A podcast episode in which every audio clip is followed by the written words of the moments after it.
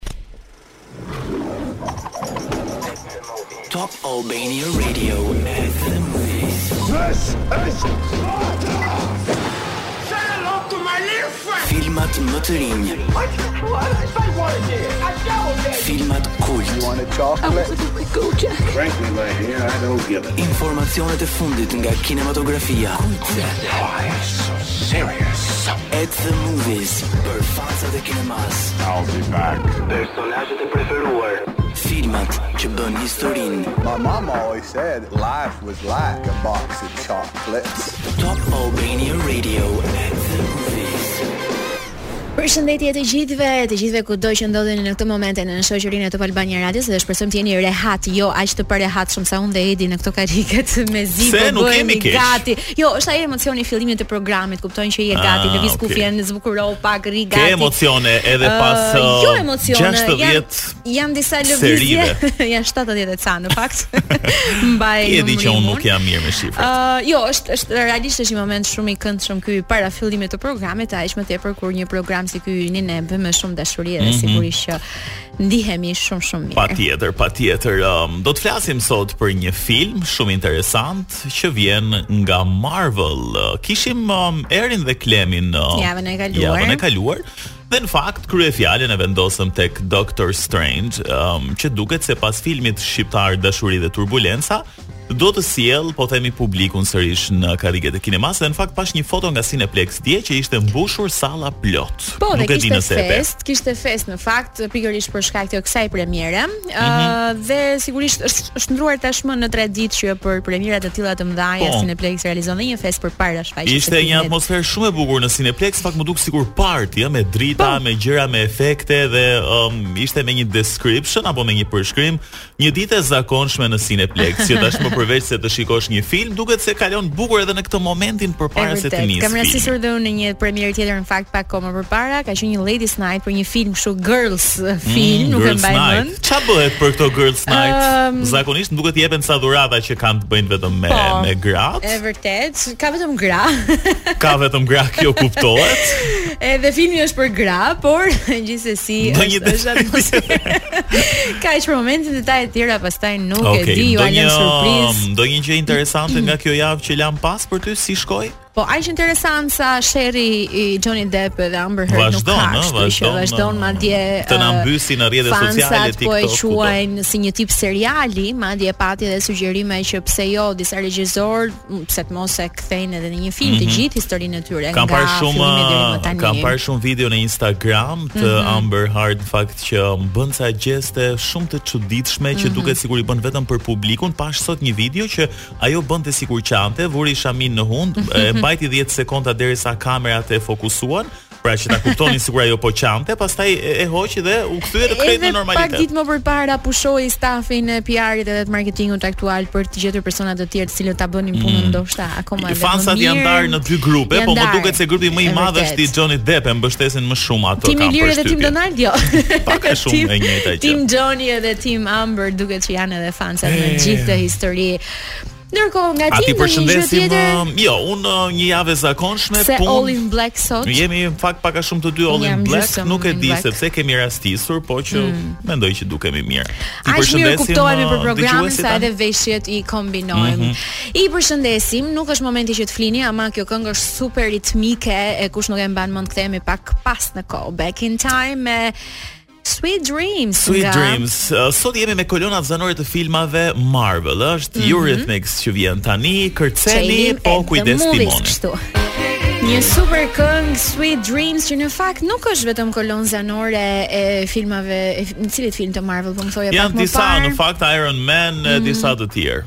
Që ka po, po themi pjesë të shkurtra të të këngës. E vërtet. Kështu që janë nga ato këngë të cilat janë kaq të pëlqyera dhe kaq të famshme dhe të përdorura në filma të ndryshëm, sa që nganjëherë është edhe vështirë ta kujtosh se ku e ke dëgjuar. Ndalemi tani tek premiera që ka ardhur këtë javë në Cineplex. Çdo të enjte mm, Cineplex sjell premiera, herë 1, herë 2, herë 3, herë 4 ka pasur raste që kemi pasur shumë premiera këtë herë. Kemi një sa për 100, ë, është ajo fjala që është um, siç duket i është vënë, i është lënë uh, vendi premierës kryesore që është mm -hmm. edhe mjaft e rëndësishme, Doctor Strange in the Multiverse. Uh, është pjesa e dytë në fakt e Doctor Strange mm -hmm. që u mhm. publikua në vitin 2016 me Benedict Cumberbatch aktorin kryesor dhe që pati një sukses të jashtëzakonshëm. Tani Uh, multiverse, po kërkoja unë në fakt se edhe unë m'u duk pak i çuditshëm. Është një term hipotetik, siç mm -hmm. duket, um, që përfshin disa universe. Po themi nëse ne njohim një univers në botën e Marvel, uh, multiverse janë disa universe. Por që sigurisht këta universe lidhen me njëra-tjetrën, po themi dhe ka um, një person, po themi apo një zot që i kontrollon pak a shumë të gjitha këto universe. Edhe duket që i shkon për shtat, edhe zhvillimet e fundit në teknologji, metaverse, uh, ndryshimi po, i emrit të Facebook që u bë në Meta, kështu që janë koncepte të cilat me sa duket po fillojnë edhe të gjejnë vend edhe në në biznes apo edhe në teknologji. Nisim ta dëgjojmë pak trailerin e filmit. Someone once told me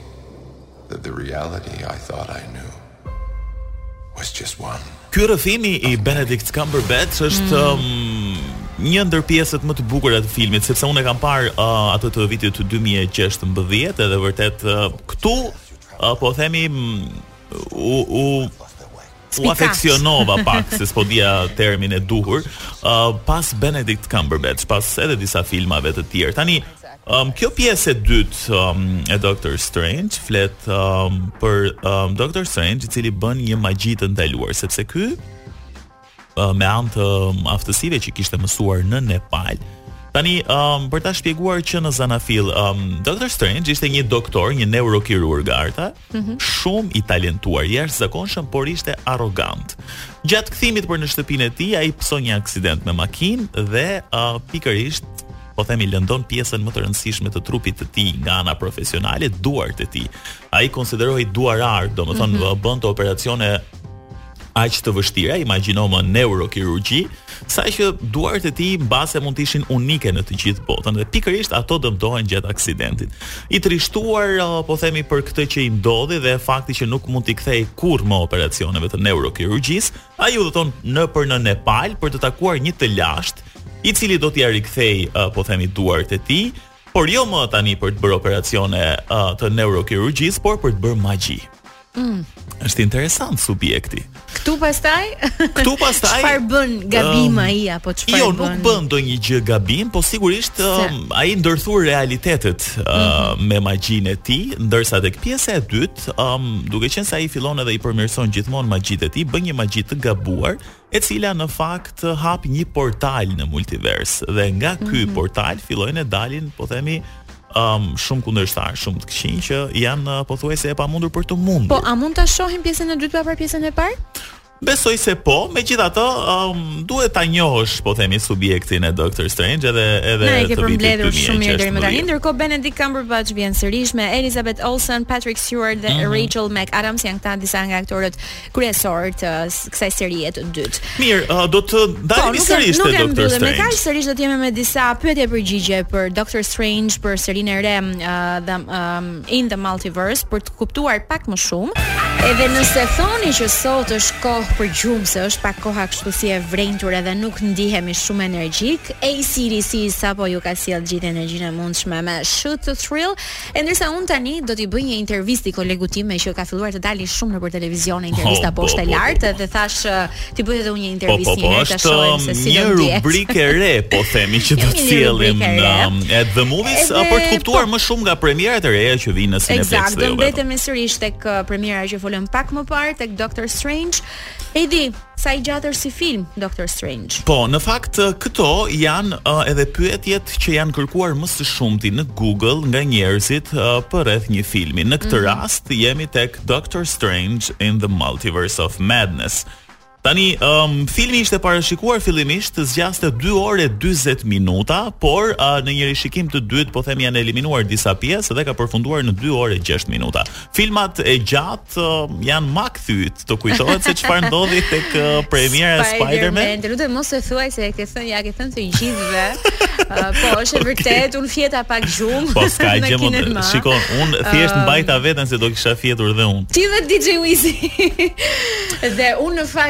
atë në ato momentet e gjumit, në atë 10 minutë që shijova. A mund të pyes çfarë pe në ëndër në ato jo, momente? Jo, uh, para se të flija gjum, e vetmja gjë që pash, ju pash të dyve që ishit shumë të përqendruar në film, e thash, "Ok, po përfitoj nga rasti dhe po flej pak." Po mirë. Por ja që ju kishit parë çdo gjë. Po dakord, edhe ne nuk ishim aq të fiksuar tek filmi. Sepse më vinte turp po që të flija. Ishte ishte i thjeshtë një moment. sepse ishte e ishte kuptoj, pak i gjatë kuptoj, po nuk ke pse ndihesh keq sepse no, filmi për... um, zgjat më shumë se 3 orë. Gjumë më të mirë s'kisha bërë ndonjëherë, mund të them, por uh, okay. aftësia e Doctor Strange çfarë bën? E thamë edhe pak më parë që um, Doctor Strange është një mjeshtër i arteve mistike, um, me anë të duarve të tij ai mund të bëjë një sër magjish, um, mund t'i përdor këto magji për të, um, nëse mund të përdorim këtë term për t'i paralizuar kundërshtarët e tij, për t'i mbrojtur, për krijuar struktura mbrojtëse për veten e tij mm -hmm. e një sërë gjërash të tjera. Por Spider-Man-i duket që paska avantazhe se po po ta fus Spider-Man në rrjet Doctor Strange po, nuk bëka um, gjë. Një pyetje tjetër që ishte drejtuar mm -hmm. nga fansat, cila është pika e dobët e Doctor Strange? Të gjithë heronjtë dhe të gjithë njerëzit në përgjithësi e kanë një pikë të dobët. Pika e dobët e tij janë um, po themi duart janë po aq të fuqishme, por uh, nëse ai nuk i ka duart e lira, nuk mund të bëj dot magji sepse Uh, ai mm -hmm. bën mhm. magji me një lëvizje duarsh që duhet mm -hmm. të marrë mhm. një pozicion të caktuar. Ke parasysh sikur bën atë snowball mm -hmm. atë mhm. gjë. Okay, dhe uh, e zëm nëse Spider-Man ja bllokon duart me rrjetën e tij, ai nuk mund të bëjë dot asgjë. Tani edhe një pyetje tjetër që më kuriozon mua. Kjo nuk është kërkuar në Google. A do më zërë gjumi mua? Nuk e di, uh, nëse nuk e ke parë uh, atë të 2016-s, edhe mundet. Edhe po mundet. ka shumë aksion, nuk besoj se um, audio do të lëri që të flesh gjumë. Që të qartësohemi jo, nuk fle. Zakonisht kur shikoj filma kaq të mm -hmm. bukur, por thjesht varet nganjëherë mund të jem edhe të lodhur. Po le të themi që është për të gjithë, për të parë nga të gjitha moshat. Po, është cilësuar, po themi, um, një film edhe familjar, mund të shikohet nga të gjithë. Um, Një paralajmërim i vogël është që ka disa mhm. skena mm -hmm. uh, mbase pak uh, më eksplicite që um, supozohet ose këshillohet që të shikohet uh, nga fëmijët uh, ose nga personat mbi 13 vjeç. Po, po pas Doctor Strange, cili ka qenë filmi që ka publikuar Marvel? Ë uh, ishte Thor Ragnarok, i cili erdhi në vitin 2017, pra menjëherë pas ngjarjeve të Doctor Strange mm -hmm. dhe um, aty shfaqet edhe tek Thor. Uh, është një moment ku Thor e viziton Doctor Strange po themi për të zbuluar um, disa clues apo çelësa mm -hmm. apo mistere që të kërkojë më pas prindërit e tij. Dhe së fundmi, kemi pyetje tjetër dhe po, së fundmi. Është i mirë apo është i keq ky? Doctor Strange është um, një nga heronjtë e Marvel, kështu që nuk ka mundësi si të jetë i keq apo një villain, kështu që um, uh, për të gjithë ju ai është një personazh pozitiv, edhe pse herë pas here mund të marrë ca vendime, po themi që nuk i kënaq shumë fansat, por në përgjithësi është një hero. Ok, ikim. Kto janë thot uh, të Wizy DJ, besoj që ju kemi uh, ju kemi zbuluar ato çfarë duhet të dini për filmin, ndërkohë që sigurisht emocionet e vërteta i merrni në sallat e Cineplex duke e parë live aty.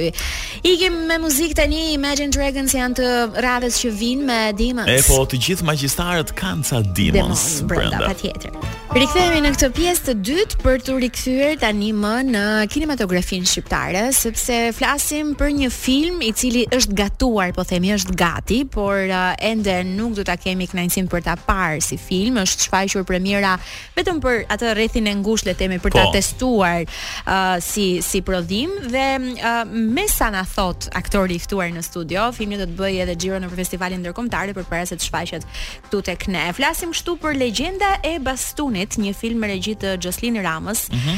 që flet por në fakt për historinë e Çeskut, një klerik franceskan shqiptar që ka kaluar pjesën më të madhe të jetës së tij nën persekutimin komunist. E bëri si Luli. e po nuk ka faj ndonjëherë se ja që të merret goja. po patjetër, patjetër. Edhe pse i plakur e i rraskapitur kur del nga burgu, nuk e ka harruar porosinë që i ka lënë mësuesi i tij, bastunin e at palit duhet ta hedh në lum. Ajo çka ndodh më tej e bën Çeskon të kuptojë se amanetet nuk janë thjesht amanete. Aq më tepër në një kontekst shqiptar sa i përket kastit, um, kemi aktorë shumë të mirë si Ndriçim Xhepa, Vasjan Lami, Amri Hasanlliu, Amos Zaharia, Klodiana Keco, Ervin Bejleri e të tjerë se janë pafund aktorë shumë të mirë që luajnë dhe njërin prej tyre e kemi, e kemi në studio, ia dëgjuat pak zërin, është Amri, Amri Hasanlliu. Mirë se na vjen. Mirë se erdhe në studio. Faleminderit. Faleminderit që je uh, me ne. Um, Amri përveç se është një aktor um, që i dedikohet më shumë teatrit, po themi, um, edhe filmit, është edhe këngëtar. Këngëtar dhe ka nisur herët, na the që shumë herët. Disa profesione, po themi në një fakt. Ë uh, Besoj e kam dhe shumë të trashëguar sepse dhe babai im është trompist, muzikant. Mm -hmm. Edhe mami Edhe tani këndon, po si thua ka shumë vite, është ka qenë në korin e, e ansamblit atëherë. Ë uh, dhe në fakt kanë histori shumë të bukur se babai im ishte trompist, mami ishte në kor dhe aty kanë patur atë njohjen. Ah, okay. Vet, po kanë histori shumë të bukur dashurie. Madje edhe në në këngën këngën e tyre të dasmës e kanë Hotel California. Aha. Që ne në fakt e kemi kënduar unë bashkë me një kolegen time e kemi kënduar në një shfaqje tre dimrat që ka që ka bërë reprizën para diku te para një muaji, një muaj e gjys. Po okay. tek teatri Metropol. Shumë interesante. Ja. Qenka subjekt për një regji të ardhshme, po, po, do të ishte shumë interesante. Mirë, uh, flasim pak tani Amri për um, rolin tënd në film. Na the që um, për sa kohë që flasim për historinë e Çeskut, fillon historia që nga fëmiria, po roli yt cili është? Uh, atëherë po, uh, uh, marrim Çeskun kur është i vogël që është 6-7 vjeç, që rritet bashkë me familjen, uh, që ka edhe vllajën e tij Jakun. Uh, kuptojmë shumë pak gjëra, mm -hmm. po mhm. edhe kuptojmë disa gjëra shumë thelbësore që në fëmijëri për Çeskun, që mm -hmm. është mhm. fjalëpak, është inteligjent, madje ka edhe një moment që e thot At Pali, uh, Çimi në këtë mhm. rast, mm -hmm. Shkëlqimi, uh, që I thot babait të Çeskut që shiko Çeskun duhet ta fusësh në shkollë. I thot që po ai është shumë i vogël i thot. Po pse s'po të them për Jakun i thot. Sepse Atë Pali e kishte nuhatur që në vogëli që Çesku ishte një djalë shumë inteligjent edhe që mund të arrinte shumë gjëra në jetën e tij. Edhe pastaj si të thuash At Pali futet në atë pelerinën, Çesku futet në atë pelerinën e At Palit edhe që futet te kisha franceskane. Mm -hmm. Dhe po themi po filmi uh, vërtitet po themi rreth personazhit të Çeskut, pra që kur ai është i vogël dhe deri po themi në në një moshë të madhe dhe këtu Ëm aktorët ndryshojnë, pra ti po themi përfaqëson Çeskun në vegjëlinë e tij apo në rininë e tij? Në rininë e tij. Në rininë e tij. Më pas është Vasian Lami që po. e luan Çeskun në moshë madhore. Në moshë madhore po. Gjithashtu ëm filmi na kthen shumë brapa në kohë, pra ishin disa periudha apo jo që po themi kalonte po. në këtë mënyrë besoj është u është dashur të ndryshoni shumë edhe konceptin e ambientit, veshjeve. Ambienti, veshje, skenografia, shumë Shumë gjëra, shumë shumë gjëra. Po nga traileri pashë imazhe të Hitlerit, foto të Enverit gjithashtu. Sepse ka disa periudha historike, merret niset që nga 1919 ose 20 mm -hmm. në mhm. mos gaboj, pastaj kalojmë 44-ën, 45-ën, 46-ën, domethënë pushtimi okay, i, po. i italianëve, derisa arrijmë tek eh, mosha madhore domethënë. Okay. Mm -hmm. Ky është filmi yt i parë me metrazh të gjatë po. që ti merr pjesë si aktor. Po. A duke qenë se uh, ke qenë më shumë në teatër dhe je angazhuar aty, besoj kjo eksperiencë të ka ndihmuar pak të kuptosh edhe ku e gjen veten pak më tepër. Më ka ndihmuar, po uh, shumë... Apo të ka konfuzuar më shumë tani, nuk e di. Jo, nuk është se jam konfuz, jam në fakt që kur pashë filmin, sepse normalisht në mendjen time e kisha e kisha vizualizuar pak më ndryshe. E pashë filmin normalisht jam i kënaqur, Po si çdo aktor me veten time them gjithmonë që ah ta bëja ndryshe këtë mm. apo sa sikur ta kisha ta kisha bërë këtë gjënë tjetër apo Dhe besoj që këtë duhet ta kenë të gjithë aktorët. Domethënë ja ta pyes Amosin po dhe ai besoj kështu duhet të mendojë. Ah sikur. Tani është herët për të bërë mbase një zgjedhje po themi se uh, Ku do doje ta po. shikoje veten në të ardhmen pra më tepër në kinematografi apo në teatër? Është herët sepse për shembull edhe gjatë xhirimeve Kur kisha ndonjë dyshim apo ndonjë që bënim një dubël, edhe i thoja Xhoslin që o Xhoslin hajde ta bëjmë edhe një herë. Rri më thoshte, qetsohu. Unë unë e di shumë mirë se çfarë po bëj. Dhe Xhoslin ka qenë shumë shumë ndihmëtar për mua sepse e ka patur të qartë të gjithë të gjithë filmin. Mhm. Domethënë është hera e parë që unë gjendem në një produksion që çdo gjë e kam super të qartë, mhm. që nga vizatimet e, e, e skenave, që nga skenari, që nga madje që kur e mora skenarin dhe e lexova ishte isha wow thash ça ça super skenari dhe Xhoslin më ka ndihmuar shumë. Mm -hmm. Edhe për këtë pjesën e për shembull un ka raste që mund ta ngre zërin pak më shumë se ç'duhet, sepse kam gjithë këto vite që merrem me teatr dhe ne gjithmonë na kërkohet që ta hedhim zërin, po, që të na po. dëgjojë edhe ai tek rreshti i fundit. Mm -hmm. Edhe kishte raste që më kapte kjo dhe më thoshte Xhoslin, "Amri, qetsohu."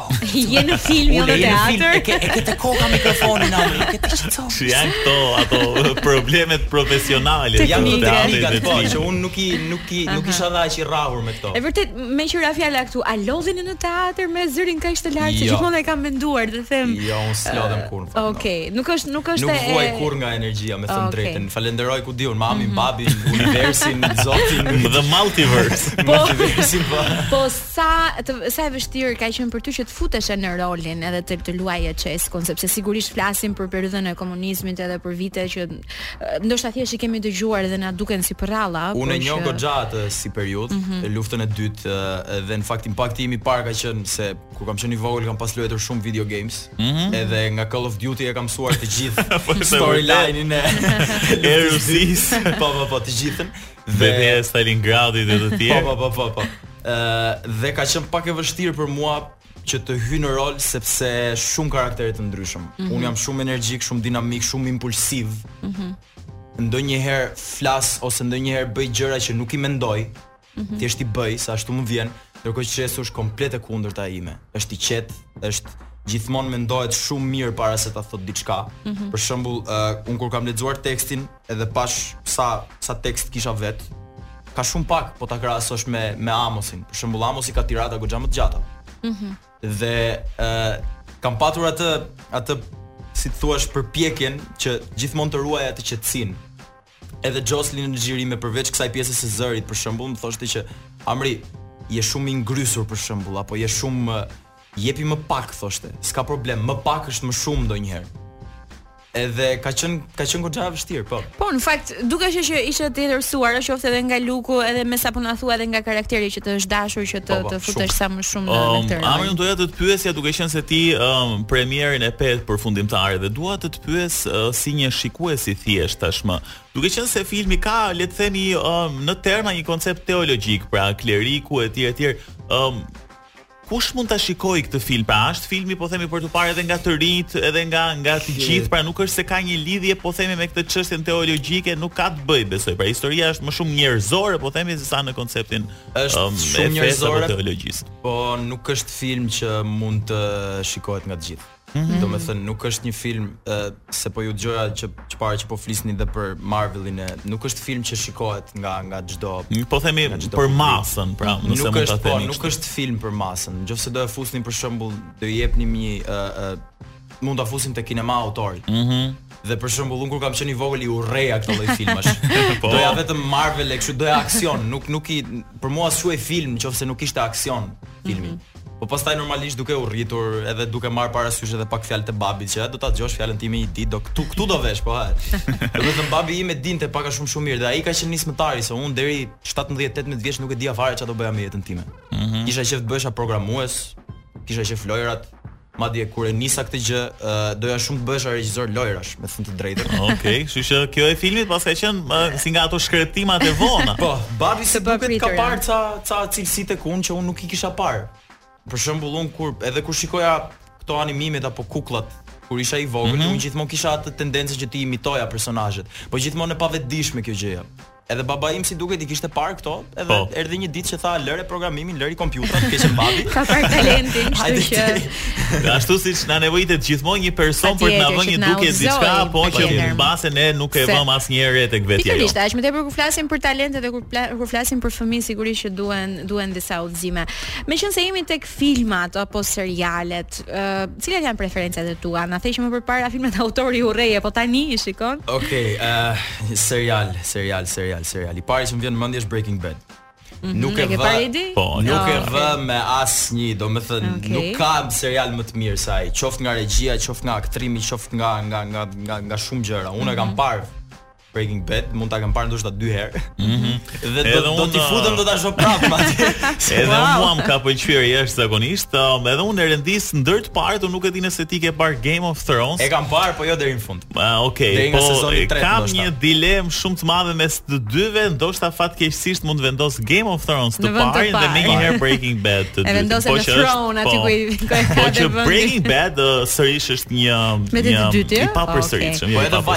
Vikings, edhe Vikings. Edhe Vikings, është po, shumë nice. Shumë i po. bukur. Mhm. Edhe unë i kam parë Vikings, po ashtu shumë interesant, po i përket një kategorie tjetër, po themi, është pak më nuk do ta quaja komercial, po Breaking Bad është shumë serioze, është po themi është po. është një film ku ti uh, i ke gjërat shumë të besueshme. Rrallë herë uh, thua që kjo skenë wow, si do si e kanë bërë këtë gjë pra që del në një gjë mm -hmm. pa. Aty gjërat rrjedhin siç rrjedhin po themi në jetën normale. Se nga që ma the këtë fjalën e besueshme tani, më vjen në mendje një film tjetër, uh, Lanthimos, është regjizori, është regjizor grek, mm -hmm. ka mhm. fituar shumë çmime dhe filmi quhet Dogtooth.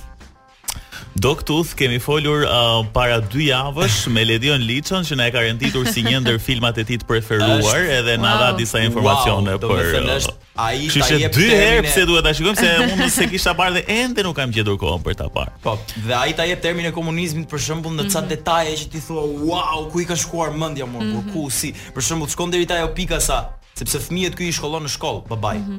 Dhe i heq stampat e e pijeve, birrave, gjërave, ujit, që ata mos ta marrin vesh fare, madje ai edhe mësime i bën në shtëpi.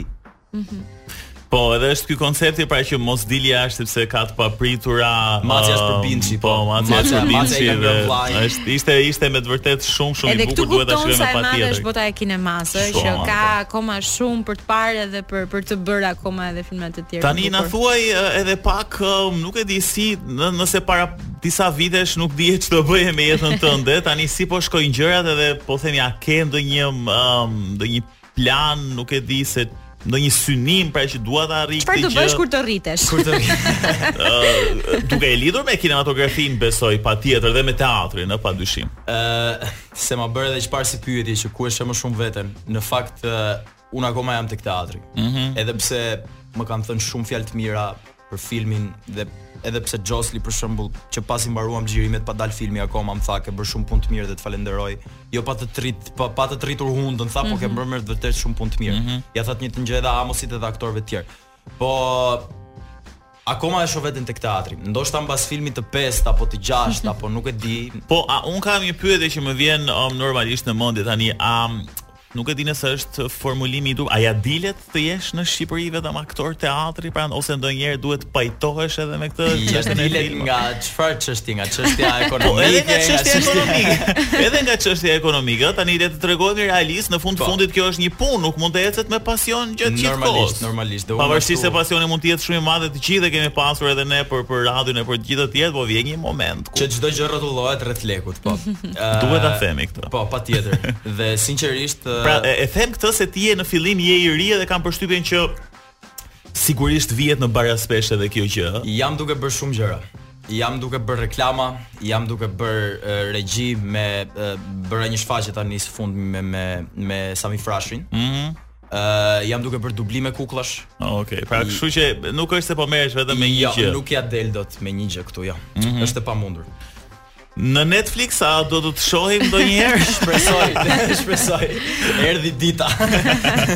Uh, e rëndësishme është që ka prodhime shqiptare shumë të mira, se kemi folur këtu edhe për filma shumë të mirë që janë bërë në Shqipëri, po bëhen seriale dhe kështu që nuk është një gjë e largët kjo, mbase një ditë do kemi edhe prodhimet tona që do shkojnë aty edhe me uh, aktor si ty po themi edhe gjenerata të reja që do të vinë që po themi e kanë po. e kanë e kanë përmirësuar absolutisht skenën e, e kinematografisë. Po në teatr çfarë kemi aktualisht, çfarë mund të shohim? Aktualisht është uh, Fli quhet shfaqja me regji të Enton Kaçit dhe jepet javës tjetër dhe në qoftë se e keni dëgjuar uh, është bëhet fjalë për antikitetin grek Euripidi. Mm -hmm ë Ifigenia në Aulidë. Domethënë subjekti është ë ushtria e madhe e Agamemnonit, mm -hmm. komandantit të ushtrisë, ka një muaj që rri në plazh. Mhm. Mm bëjnë parti, bëjnë gjëra, bën, janë trashur domethënë çunat. Okay. Dhe duan të ikin në luftë.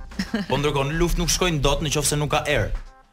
Por era nuk vjen në qoftë se Agamemnoni nuk flijon vajzën e vet, 14 vjeç. Mhm. Mm dhe madje duhet ta flijojë dhe gjaku të derdhet në altare, të të të të të Dhe normalisht që ai është në një në një pozicion shumë shumë delikat dhe shumë të vështirë, sepse duhet zgjedhë tani në qoftë se nuk e çoj vajzën në luftë, ushtarët do më hanë të gjallë. Normalisht, janë mercenarë, janë plus që kanë dhe një muaj që që thjesht frustrohen edhe po, po pinë po, edhe flenë edhe nuk janë pa punë në termin e tyre. Po, janë pa punë, janë, janë pa punë edhe thjesht kalojnë kohën edhe po, thjesht po, po. mbysin atë atë atë dhimbjen që ore, po çfarë do bëjmë, a do ikim në luftë apo jo? Mm -hmm. Edhe Agamemnoni që është dhe personazhi kryesor është në një dilemë shumë të madhe. Dhe uh, mua më pëlqen sepse ok dihet që flijohet vajza, por që më pëlqen sepse regjizori si të thuash e ka sjellë shfaqjen në ditët e sotme. Mm -hmm. okay, nuk e ka kemi, një, ka një nuk e kemi mbajtur me ato veshjet, me ato me mhm. shpata, madje ne kemi mhm. bëjmë një monolog që quhet monologu i pushkës. Mhm. që bëhet zakonisht nëpër filma që you know this is my okay. rifle nuk ka të tjera përveç kësaj e kjo do ta mbaj do ta ruaj do ta bëj do ta pastroj okay. mm -hmm. okay mos të mos të zbuloj më po. se jemi edhe në fund të artë unë jam një copë ushtari një copë mercenari pa punë që shumë shpejt do gjej po pushime mirë faleminderit shumë jemi në fund po, um, po kemi edhe quizin po jo, shpallim pak fituesen e quizit mhm. um, që është Bora e cila ka gjetur aktorin Neil Patrick Harris um, ka shumë uh, përgjigje në fakt uh, ne kishim publikuar sytë e um, një aktori kanë ardhur përgjigje si Tom Cruise, Chris Pratt, Mark Wahlberg etj etj, por Bora ka dhënë përgjigjen e saktë dhe është bërë fituese e dy biletave për në Cineplex. Vetëm pas pak rrini gati në Instagram sepse një tjetër foto dhe një një palë sy të tjera. Një palë sy, një palë sy sigurisht. Um, ndërkohë, falenderoj Amrin shumë që ishte me ne, suksese në teatër, në film, shpresojmë që të të shohim në sa më shumë projekte të tjera të suksesshme.